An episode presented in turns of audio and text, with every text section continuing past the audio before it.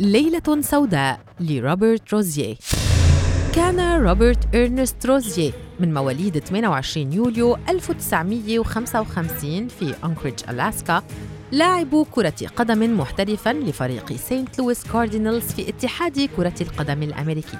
بعد خروجه من الاتحاد انخرط في جماعة الإخوان وهي طائفة مزعومة يقودها يهوى بن يهوى.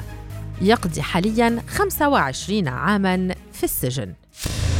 لعب روزيه عام 1979 في الاتحاد الأمريكي لكرة القدم مع فريق سينت لويس كاردينالز ولكنه لعب في ست مباريات فقط قبل استبعاده لقضايا تتعلق بالمخدرات. وبعد سلسلة من الجرائم الصغيرة وجد روزيه معبد الحب ليهوى بن يهوى في عام 1982 بعد أن قضى عقوبة بالسجن ستة أشهر لأول مرة انتقل إلى المعبد بدوام كامل وغير اسمه إلى ناريا إسرائيل أو ابن الله.